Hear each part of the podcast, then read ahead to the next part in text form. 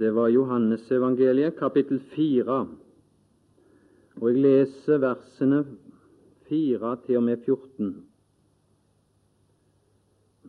Johannesevangeliet 4, fra vers 4.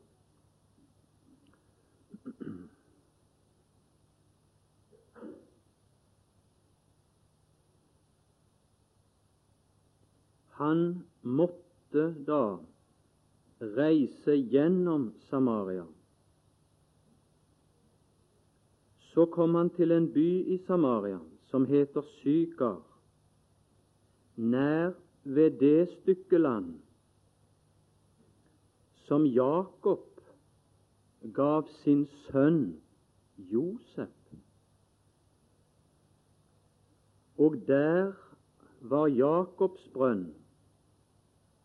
Jesus, som var trett av reisen, satt nu der ved brønnen.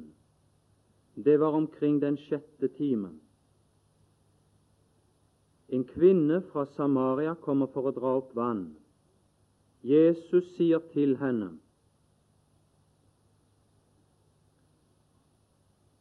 Gi meg å drikke. Hans disipler var gått bort til byen for å kjøpe mat. Den samaritanske kvinne sier da til ham, Hvorledes kan du som er jøde, be meg, en samaritansk kvinne, om å få drikke? For jøder har ikke samkvem med samaritaner. Jesus svarte og sa til henne, Kjente du Guds gave, og visste du hvem det er som sier til deg, Gi meg å drikke? Da hadde du bedt ham, og han hadde gitt deg levende vann. Kvinnen sier til ham, Herre, du har jo ikke noe å dra opp vann med, og brønnen er dyp. Hvor har du da det levende vann fra? Du er da vel ikke større enn vår far Jakob, som gav oss brønnen, og selv drakk av den, han og hans sønner og hans fe. Jesus svarte og sa til henne, Enhver som drikker av dette vann, skal tørste igjen. Men den som drikker av det vann jeg vil gi ham, skal aldri i evighet tørste. Men det vann jeg vil gi ham, blir i ham en kilde med vann som veller frem til evig liv. Vi stanste i går med dette at Josef var kommet på tronen og hadde fått et navn, og dermed blei sju overflodsår introdusert i Egypt der det var overflod på korn. Og det er i grunnen den fullkommenhetsperiode av overflod som er det som skulle være vårt emne, og som egentlig den Herre Jesus utlegger for oss her i dette kapittel. Kristendom, hva det er i sin virkelighet. Han måtte da reise gjennom Samaria slik begynner det her. Det var en annen vei, men han måtte. Og så kom han til Samaria, og vi skal se, tror jeg seinere, at det representerer motstand imot Jerusalem, imot Davids linje, imot tempelet og tilbedelsen der. Det er grunntrekket. Men eh, jeg vil bare stanse for noen få ting her. Og det, det første er det uttrykket i vers 5 nær ved det stykke land som Jakob gav sin sønn Josef. Dette var nemlig et bestemt stykke land som er omtalt i Det gamle testamentet. Og det var det bestemte lille stykket land var en pant, et pant på den framtidige besittelsen av landet. Men da vil jeg eh, understreke en ting først, uten at jeg kan ta så mye tid til det, for ikke å komme helt ut av sporet her. Hvis du slår opp i første krønikerbok, kapittel fem, så vil du finne en opplysning som kan være til hjelp når du skal lese om det stykket land i Det gamle testamentet. For det leser du nemlig om i Første Mosebok 48. Her står og sønnene til Ruben, første krøniker 5.1, og sønnene til Ruben, Israels førstefødte. For han var den førstefødte, men fordi han vanhelliget sin fars seng, ble hans førstefødselsrett gitt til sønnene av Josef, Israels sønn, som dog ikke ble innført i etterlisten som den førstefødte. Ser du da i vers 2, så står det på slutten men førstefødselsretten tilhørte Josef. Men den første fødselsretten kom ifølge vers 1 her til å bli gitt til sønnene til Josef. Og det var nettopp de to sønnene som ble født før hungersnøden, som taler om vår forbindelse med den Herre Jesus, den førstefødte, og at han er stilt som den førstefødte i forhold til arven, og det landet. Og førstefødselsretten innbefatter den ting en dobbel del. Og det er denne doble del, og det er denne overflod av velsignelse som er kommet til oss i denne av alle tider mest begunstiga tid ifra Herren. Det stykket land. Her har du den Herre Jesus der. Og så var det en ting til og, som jeg ville bare bemerke i sammenhengen her. I Johannes kapittel 3 finner du kobberslangens motbilde.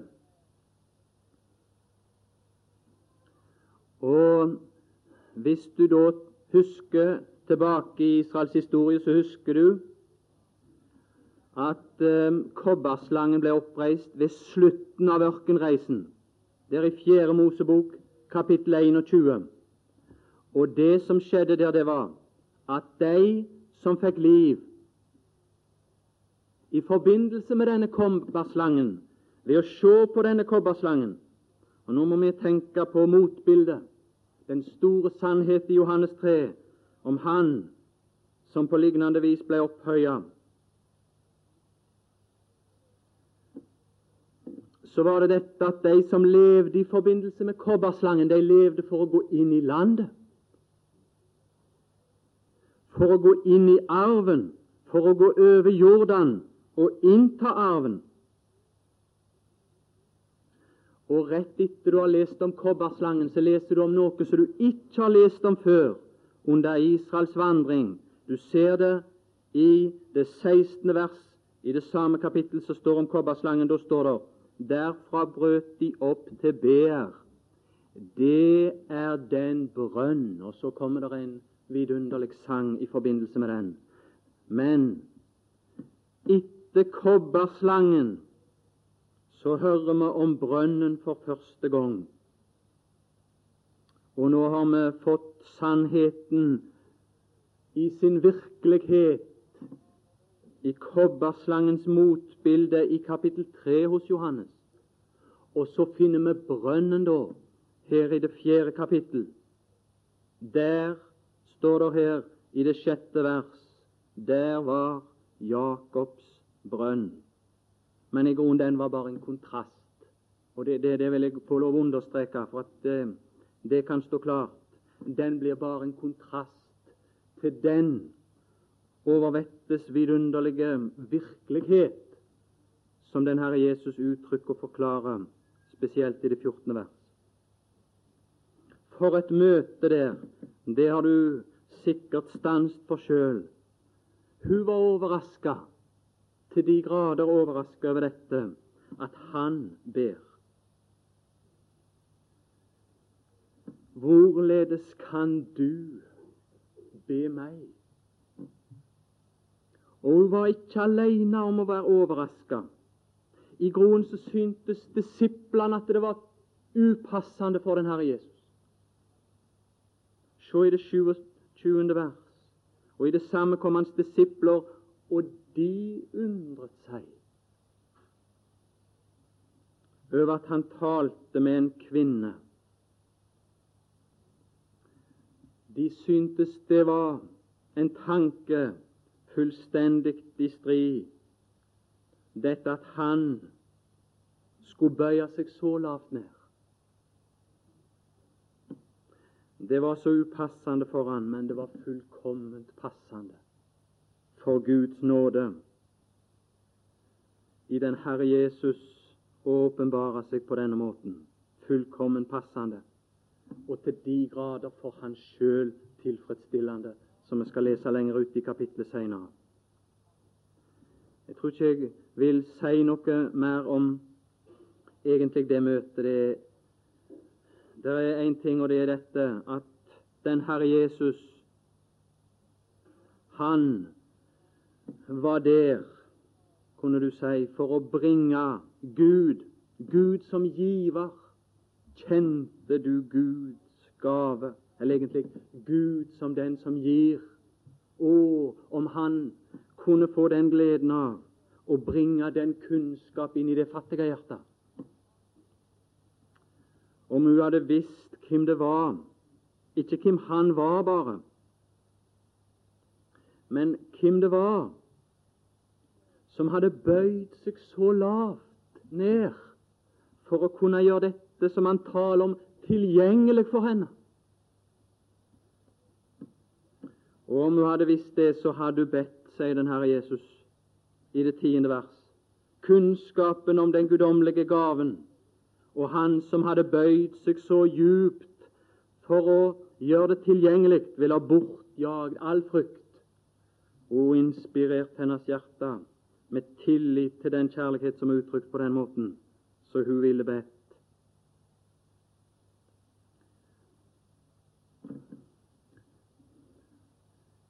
Jeg tror, og det må du ha lov til å være, se litt annerledes der, men for meg iallfall, så får du granske det og undersøke det for din del.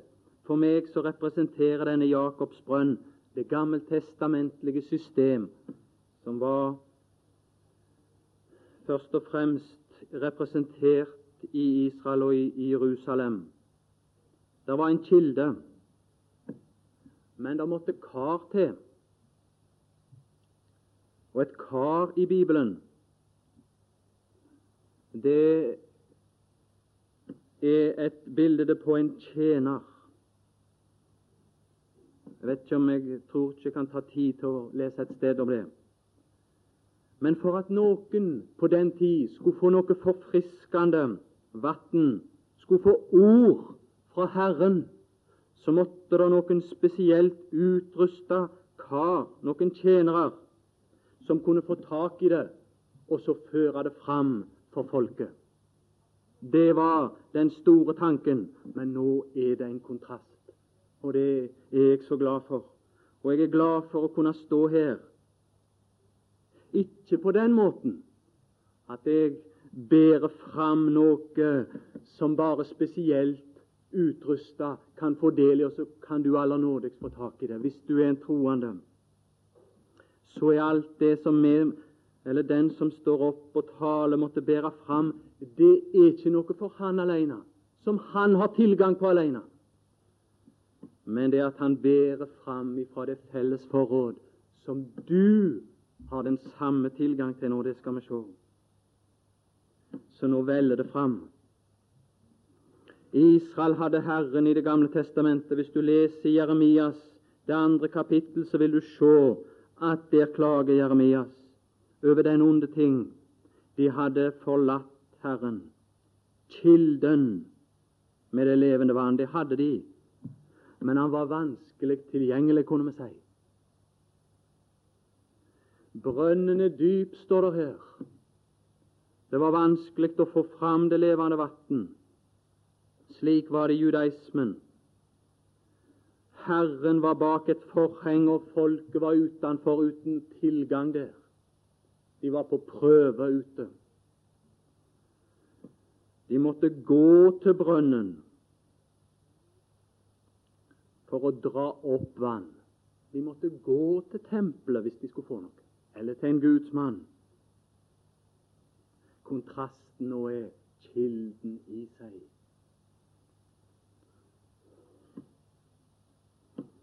Kilden i seg. Og så måtte de på den tid ha slike skikka kar, bestemte menn som kom med ord fra Gud. Nå bør en ikke dra opp. Nå er kontrasten det det veller frem. Det veller frem. Denne kvinne, hun var ei slik som hadde forbrukt sitt liv i jakt på og en søken etter tilfredsstillelse. Hun hadde søkt det i et moralsk sett løssluppent liv, der hun ikke hadde hindra seg noe i sin jakt på å oppnå tilfredsstillelse. Hun hadde ikke la seg stanse av noen ting, og det er mange som prøver den vei i dag. Det er mange som prøver den vei i dag. Hun hadde hatt fem menn, denne, og han som nå var hennes, eller hun levde sammen med, han var ikke hennes, virkelig. Det er mange i dag som prøver den vei. Men du, hun var misfornøyd. Hun var tørst, denne kvinnen. Men det er noen som prøver seg en annen vei.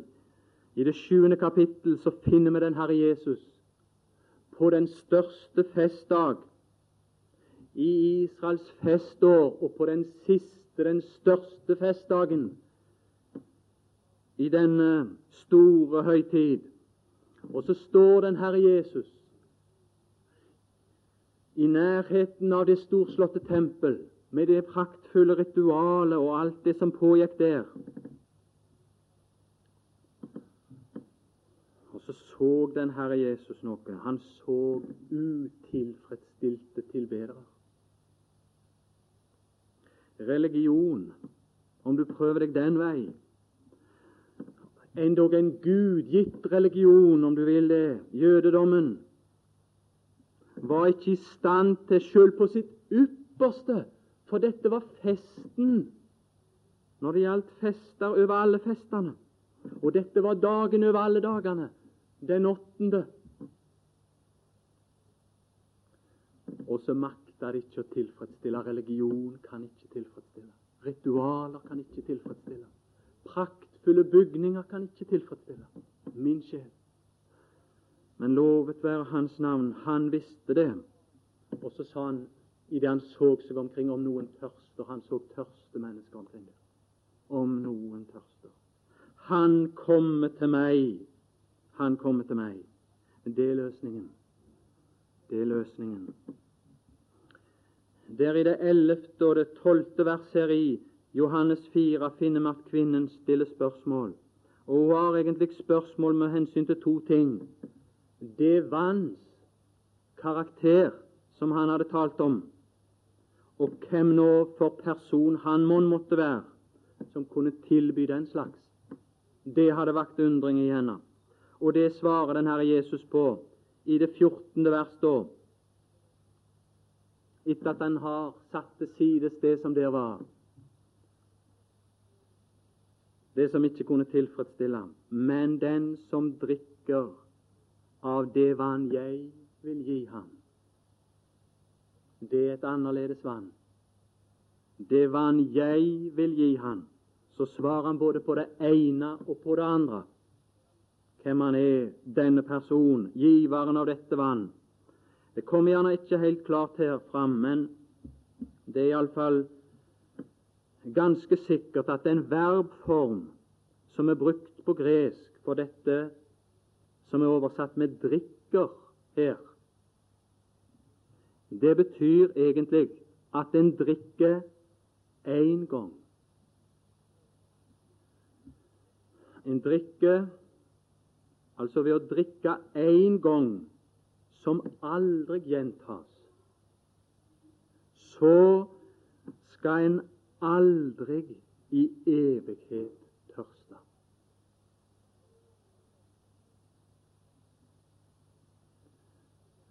Hvordan kan det ha seg at ved å drikke én gang, så slukker en tørsten for alltid? Sånn var det ikke i jødedommen. Det er vår privilegerte forrett i denne velsignede tid, i det vi deler første fødselsretten og gå inn i et land som er sånt, av velsignelse. Jo, resten av verset forklarer det. Nettopp dette. Siste del. Og det forklarer sånn Men det vann jeg vil gi ham, og det vann det får du tak i ved å komme til Han. Det sjuende kapittel sier om noen tørster, hvordan skal han da forholde seg? Han kommer til meg. Og om du kommer til den Herre Jesus Du kommer en gang, og idet du kommer den gangen og drikker, så skjer det noe. Og det som skjer, er det vann jeg vil gi ham, det blir det kommer ikke bare å slukke tørsten da, men du skal legge merke til det ordet 'blir'. Vi skal lese det flere ganger i denne timen. Det blir. Det er varig. Det forblir. Det forblir i ham. Ikke vann lenger, men kilde. Hvordan kan dette ha seg? Den som kommer til den Herre Jesus nå i tro på evangeliet, i tro på Guds sønn.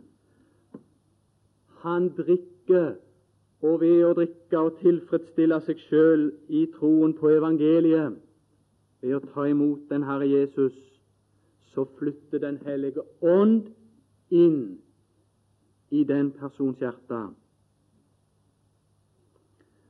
Vannet er det redskap som Ånden bruker. Det er et bilde på Guds ord. Det kunne vi lest om, men jeg kan ikke ta tid til det nå. Jesus forklarer det utvetydig klart i det sjuende kapittelet, om du bare vil slå opp der. Dette sa han Han hadde talt om dette med vannet. Om den ånd som de skulle få på ham. De skulle få som trodde på ham, og de skulle få det med en gang de trodde på ham. Det kunne vi lest andre steder i Skriften. Efeserbrevet 1,13, der har du det. Med en gang et menneske kommer til den Herre Jesus, drikker disse livssalige ord i evangeliet og tror på Ham, så blir det vann som kommer inn i deg, det bringer med seg noe mer. Det bringer Den hellige ånd, og Den hellige ånd blir. Og den blir i oss som en kilde. Jeg skal lese bare ett vers for å understreke det, sånn at vi har det på Bibelens bekreftelse.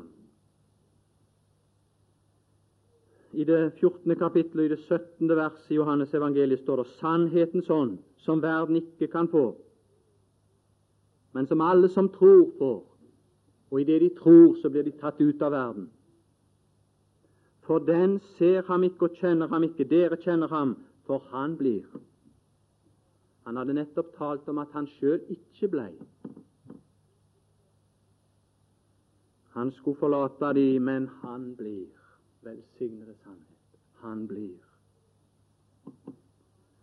Han blir hos dere og skal være i dere. Og når Den hellige ånd kommer i en troende, så er kilden i den troende. Og den kilde med forfriskende vann veller fram til evig liv. Den som har trodd på den Herre Jesus, har ifølge det tredje kapittelet i Johannes evig liv ved den nye fødsel. Men den troende har i tillegg Den hellige ånd personlig iboende. Ikke for ei kortere tid, men ifra det øyeblikk en kom til tro, og så blir Den hellige ånd. Forblir for evig tid. Sånn at den som drikker én gang, han skal aldri i evighet tørste. Har du drukket? Har du tilfredsstilt deg her? En kilde søker tilbake til sitt utgangspunkt. Den liksom tvinger på i den retning. Den hellige ånd er i stand til å møte alle våre behov her, tilfredsstille alle våre behov under ørkenreisen. Det er sant, den møter våre behov, men den leder oss hen imot samfunnet med Faderen og Sønnen. Det veller fram til evig liv. Og hva er evig liv? Det skal vi vender oss til første Johannes brev for å lese om. Og det vil jeg ta en liten tid å lese der ifra det brev. Der skal vi forstå hva er det dette som produseres, kunne vi si, i praktisk erfaring i den troendes liv ved Den hellige ånd hos alle de som har guddommelig liv ved den nye fødsel. Hva er dette det evige liv? Hva er det det består i? Hva er det som veller fram? Jeg leser først der, i det første kapittel, det, fra det første vers. Jeg kan lese, jeg kan lese de første fire vers sammenhengende. Det som var fra begynnelsen, det som vi har hørt, det som vi har sett med våre øyne, det som vi skuet og våre hender følte på, om livets ord. Og livet ble åpenbaret, og vi har sett det, og vitner og forkynner dere livet, det evige, som var hos Faderen og ble åpenbaret for oss. Det som vi har sett og hørt, det forkynner vi òg dere, for at òg dere kan ha samfunn med oss. Men vårt samfunn er med Faderen og med Hans Sønn Jesus Kristus, og dette skriver vi for at eders glede kan være fullkommen. Bare noen få ord om disse vers. Du må lese dem sjøl, fordype deg i dem. Jeg kan egentlig ikke forklare dem, men jeg kan prøve å lede din oppmerksomhet imot dem. Det er ikke noen brønn lenger nå som du må gå til, sa du, og så begynner å finne fram til noen sånne utrusta som kan ta det opp for deg. Den hellige ånd bor i ditt hjerte og er i stand til å forklare Skriften for ditt hjerte. Men det var dette at, at, det evige liv, kunne du si, har liksom tatt konkret form i Sønnen. Det var liksom ikke en sånn en hurtig, forbigående, flyktig ting, men han gjør seg mye med å forklare at de hadde hørt det, de hadde sett det, de hadde skua det, de hadde til like følt med deres hender på dette som var i begynnelsen. Og hva var det? Jo, det var livets ord. Ord, det er det vi bruker når vi skal uttrykke ting, åpenbare ting. Livet er åpenbart. Her er livets åpenbarelse i hans egen person. Og han er ikke sånn som mange av disse Østens monarker og herskere at de var utenfor det vanlige folk. De holdt seg langt unna, og, og ingen fikk nærme seg deres residens. Og du, han har kommet inn i, kunne du si, dagliglivets omstendigheter denne person som åpenbarte Guds liv, evig liv, som du har fått ved den nye fødsel. Det liv som var evig eksisterende mellom Faderen og Sønnen, som var skjult, det har i fullkommenhet kommet til uttrykk i Han som kom her, og som åpenbarte det under sitt jordeliv, og det var kompetente vitner, kunne vi si, som så dette, og som har formidla det til oss, sånn at for at òg dere kan ha samfunn med oss. Det som vi har sett og hørt, det forkynner vi òg dere. Det var apostler og det var profeter på den tid, og de, de har iakttatt dette, forkynt det, skrevet det ned, og det er like tilgjengelig for meg og deg gjennom deres skrifter. Livets ord, og dette skriver vi for at eders glede kan være fullkommen. I den åpenbarelse av Gud, i kraft av at jeg har evig liv, i kraft av at Den hellige ånd har tatt bo i mitt hjerte, for at dette skal velle fram i praktisk erfaring i mitt liv, i liv, i samfunn med Faderen og Sønnen, har jeg og du smakt noe til dette som heter fullkommen glede. Det er vår forrett.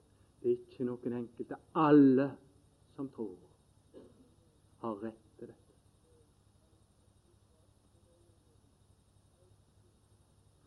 Vi skal se et, på en liten parentes som ikke er så liten, for så vidt.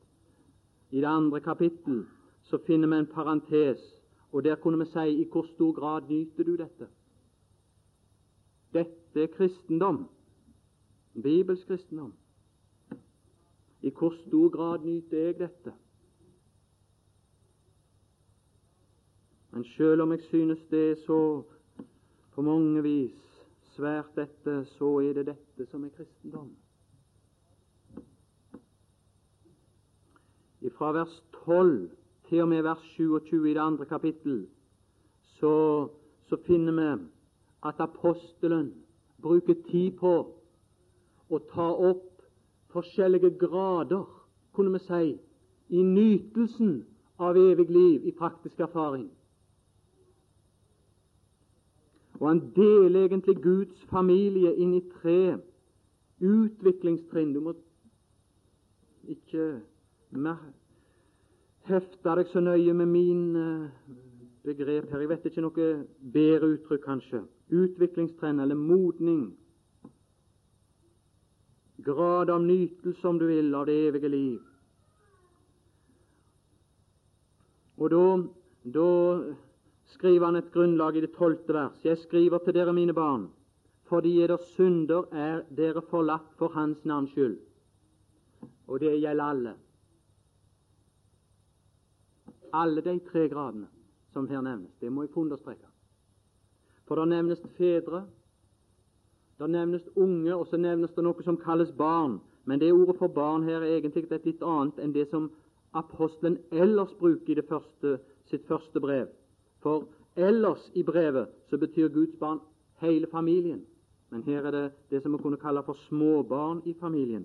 Men hør, det første vers her gjelder alle i familien. Om du er den svakeste og minste, så skrives dette til deg fordi syndene dine er tilgitt. Det er ikke noe du kommer til ved enden med, men det starter du ved begynnelsen med. Og på det grunnlag så kan du ha Den hellige ånd. For sånt var det i Det gamle testamentet at på blodet der kunne salvelsen komme. Og Når apostelen kan skrive dette som en begynnelse og et grunnlag, så kan han si til de minste, og det er bemerkelsesverdig her, at det er til de minste han understreker at de har salvelsen, Den hellige ånd. Sjøl de minste i Guds familie. Sjøl til korinterne, så skriver de at de har en salvelse. Men det var dette fedrene først. Se der i det 13. verset. Jeg skriver til dere, dere fedre, fordi dere kjenner Ham som er fra begynnelsen. Og så i neste, den neste gruppa kunne vi si, han tar opp det dere unge, fordi dere har seiret over den onde. Og så den tredje gruppen. Jeg skriver til dere, mine barn, eller mine små barn, fordi dere kjenner Faderen. Der har vi de tre klassene. Og så kan du se at han tar de opp, hver av disse klassene, på ny igjen. Og da tar han de opp i forbindelse med den fare som hver av disse gruppene er utsatt for. Hver av de er utsatt for spesielle farer som er med å hindre de å nyte det som er deres del. Så begynner med dette jeg har skrevet til dere, dere fedre, fordi dere kjenner Ham som er fra begynnelsen. Ja, men det er jo akkurat det samme han skrev til de i verset foran. Ja, Jeg lurer på Jeg tror ikke vi det er så mange som er fedre, som vil Men det var noen på denne tid som han kunne skrive til. Mon tro om det er noen her som er sånne. Som har vendt seg bort ifra alt annet. Og som ikke bare tror på Ham som er fra begynnelsen, men som kjenner Ham som er fra begynnelsen. Og kalles begynnelse dette? Jo, det er det vi leste om i de tre første vers, i det fire første vers i det første kapittel. Det er kommet en ny begynnelse. Du leser Johannes evangeliet i det første kapittelet. I begynnelsen var Ordet. Og så tas vi tilbake til en evighet. Og så får vi et lite glimt. Bare et lite glimt. Men her er det ikke Han som var i begynnelsen, men her er det Han som var fra begynnelsen. Og det er det som særpreger de som måtte være fedre her. Å, de har funnet alt i Han. Guddommens fylde har de funnet i Han, som begynte den nye begynnelse. Som begynte når Han kom som menneske her. Kom som menneske og åpenbarte det evige liv for å dra oss inn i samfunnet med Faderen og Sønnen. Fordi dere kjenner Ham.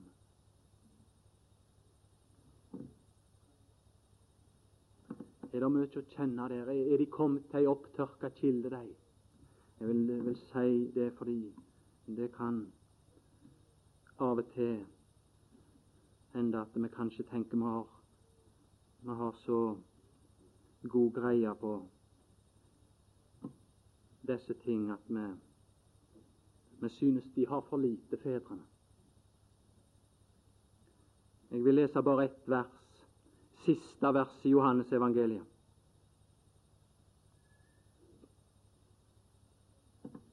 Det må skje litt fort. Men det er også meget annet som Jesus har gjort.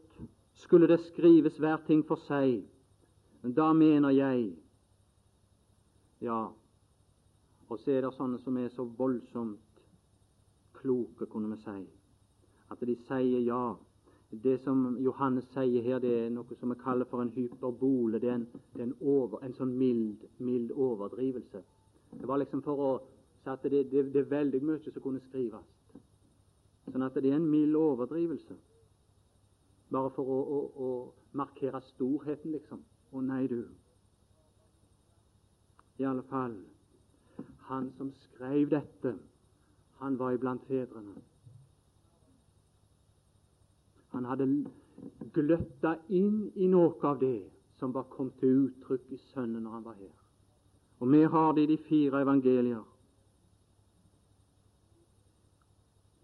Jeg vet ikke hva du mener, og jeg skulle ønske at det var noen flere av oss som mente det Johannes mente, og som kunne bli så oppslukt i denne personen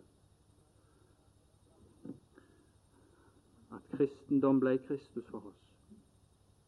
Da mener jeg at ikke hele verden ville romme de bøker som da måtte skrives, hvis alt den Herre Jesus gjorde, sa skulle skrives ned hver for seg, så ville, så ville verden ikke makte å romme de bøker som da måtte skrives. Guds sønn skapte denne verden en dag, så trådte han inn i denne verden, og det var en begynnelse over alle begynnelser. Og idet han trådte inn i denne verden, så fulgte han det ved sitt nærvær med et guddommelig innhold som var så mektig, som var så stort og omfangsrikt. Ifølge Johannes' vitnesbyrd det er ikke sikkert at jeg mener det, at jeg er så i samfunn med Johannes, men han mente det. Han hadde gløtta inn i det. Og meg og du fikk mer forståelse av disse ting, så ville vi finne noe i den Herre Jesus. I en grad som ville dra oss bort ifra alt i denne verden. Å, et guddommelig innhold. De hadde nok, de som hadde Han som var fra begynnelsen. De hadde funnet en begynnelse som det ingen ende var på. De hadde kommet til det uendelige. Men jeg vil ikke si mer om det. Det var de unge. De hadde noe som var deres far, og hva var det? De hadde seira, de var sterke, fordi dere er sterke, og Guds ord blir i dere. Hvor mange av oss karakteriseres ved dette? Ikke bare at vi søker til ordet når vi har lyst på litt trøst, kanskje. I krisetilfeller det er klart Herren er overmåte miskunnelig og vil oss i møte på en, på en overveldende måte. Men Guds, de har ikke bare Guds ord hos seg, men Guds ord blir i dere. Jeg tror du har sikkert en bibel, men hvor mye av den har du i deg? Hvor mange av oss er det som karakteriseres ved dette? Og dere har seiret over den onde, og jeg tror det er den antikristelige innflytelse som de små barna i familien var spesielt utsatt for. Det hadde de seira, de var fri det, men det var en vanskelighet, og hva var det? Det var verden. Elsk ikke verden. Og det er budet til oss. Elsk ikke verden. Verden kunne bli en snare for slike. Heller ikke de ting som er i verden. Om noen elsker verden, da er kjærligheten til Faderen ikke i ham. Eller jeg tror det skal Det er rett å si, og det er det som er i sammenhengen her. Da er Faderens kjærlighet ikke i ham. For det er to uforenlige ting. For alt det som er i verden, kjødets lyst, øynenes lyst, storaktighet i levne, er ikke av Faderen, men av verden. Og jeg vil spørre og Ikke fordi jeg ikke kunne spørre meg sjøl, egentlig.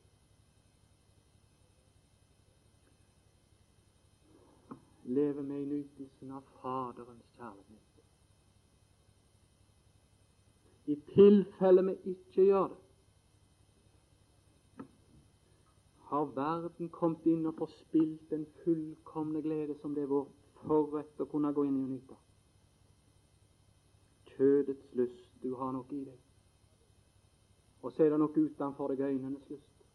Og det er nettopp dette øynenes lyst ukeblad og den slags har hooka tak i, og så liksom bygger de opp alt på, på denne bibelske sannhet, øynenes lyst, og så trekker de noe ut ifra kjødets lyst, og så blir resultatet storaktighet i levende. Elsk ikke verden. Jeg vet ikke om jeg kan formane sånn som dette burde, men det er en jeg tror det er en stor fare for alle og enhver av oss som forspiller gleden for de som måtte være unge iblant oss.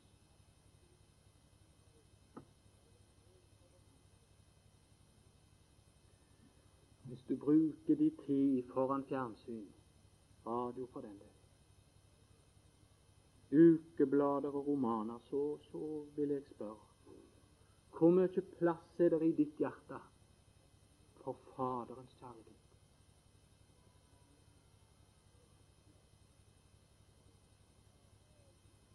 Du må vege disse ting, og det må enhver av oss innenfor Herrens åsyn. Det er noe som hindrer oss i nytelsen. Og hva er det når all overmaling tas bort, og verden forgår, og dens lyst Hva er lyst? Det er utilfredsstilte begjær. Det er det som er summen av verden. Det er lyst. Hva er det? Det er tørst.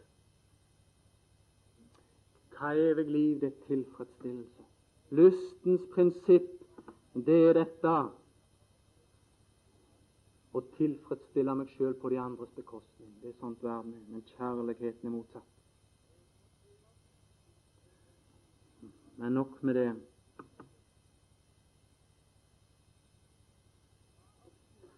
Mine barn, og så kommer han til de små, og det som de er utsatt for, det er antikristens innflytelse. Jeg får bare lese litt lenger nede der. Dette er antikristen som nekter Faderen og Sønnen. Det 22. vers. Den åpenbarelse av Faderen som her er omtalt, og den åpenbarelse skjedd i Sønnen. Det er det som er kristendom. Og antikristens innflytelse, den går ut på dette å nøytralisere den åpenbarelsen. Og villede deg som ikke er befesta i sannheten, for å frarøve de nytelsen av det samfunn de har rett på i kraft av at de har fått evig liv, og at Den hellige ånd bor i dem. Vær den som nekter Sønnen, det er Sønnen som er prøvestein. Det har blitt sagt før i dag. Det er Sønnen som er prøvestein, ikke Faderen. For Faderen er åpenbart i Sønnen. Men hver den som nekter Sønnen, har heller ikke Faderen. Og den som bekjenner Sønnen, har òg Faderen. La det bli i dere, som dere hørte fra begynnelsen det er tilbake i kapittel 1, det. Dersom det dere hørte fra begynnelsen, blir i dere, og dere ikke føres villig fra det, og vi har det i Skriften, hva da? Skal òg dere bli i Sønnen. Og da har dere Faderen, og så forblir dere i kristendommens sannhet.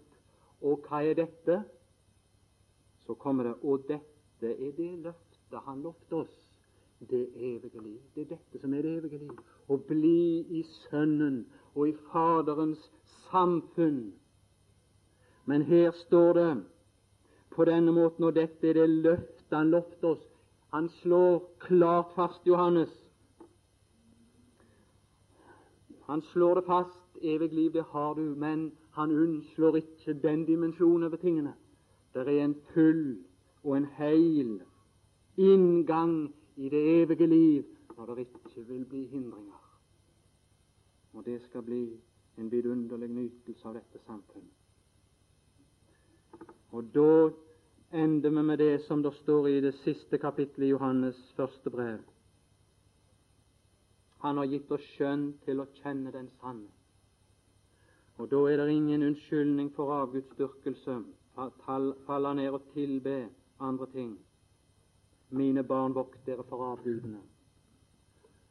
I den gamle tid så var problemet at Israel hadde fått Herren og skulle holde fast ved Han, og så var det avguderiske ting i de nasjoner som omgav de. De hadde den ene Gud. Nå har vi guddommen fullkommen åpenbar, og så er det den ene Kristus det står om i motsetning til alle antikrister. Vokt dere, mine barn, for avgudene. Skal vi be. Herre Jesus, vi vender oss til deg. Måtte du ta disse ord og legge dem inn i enhvers hjerte, og ved Den hellige ånd som bor i enhver, forklare dem,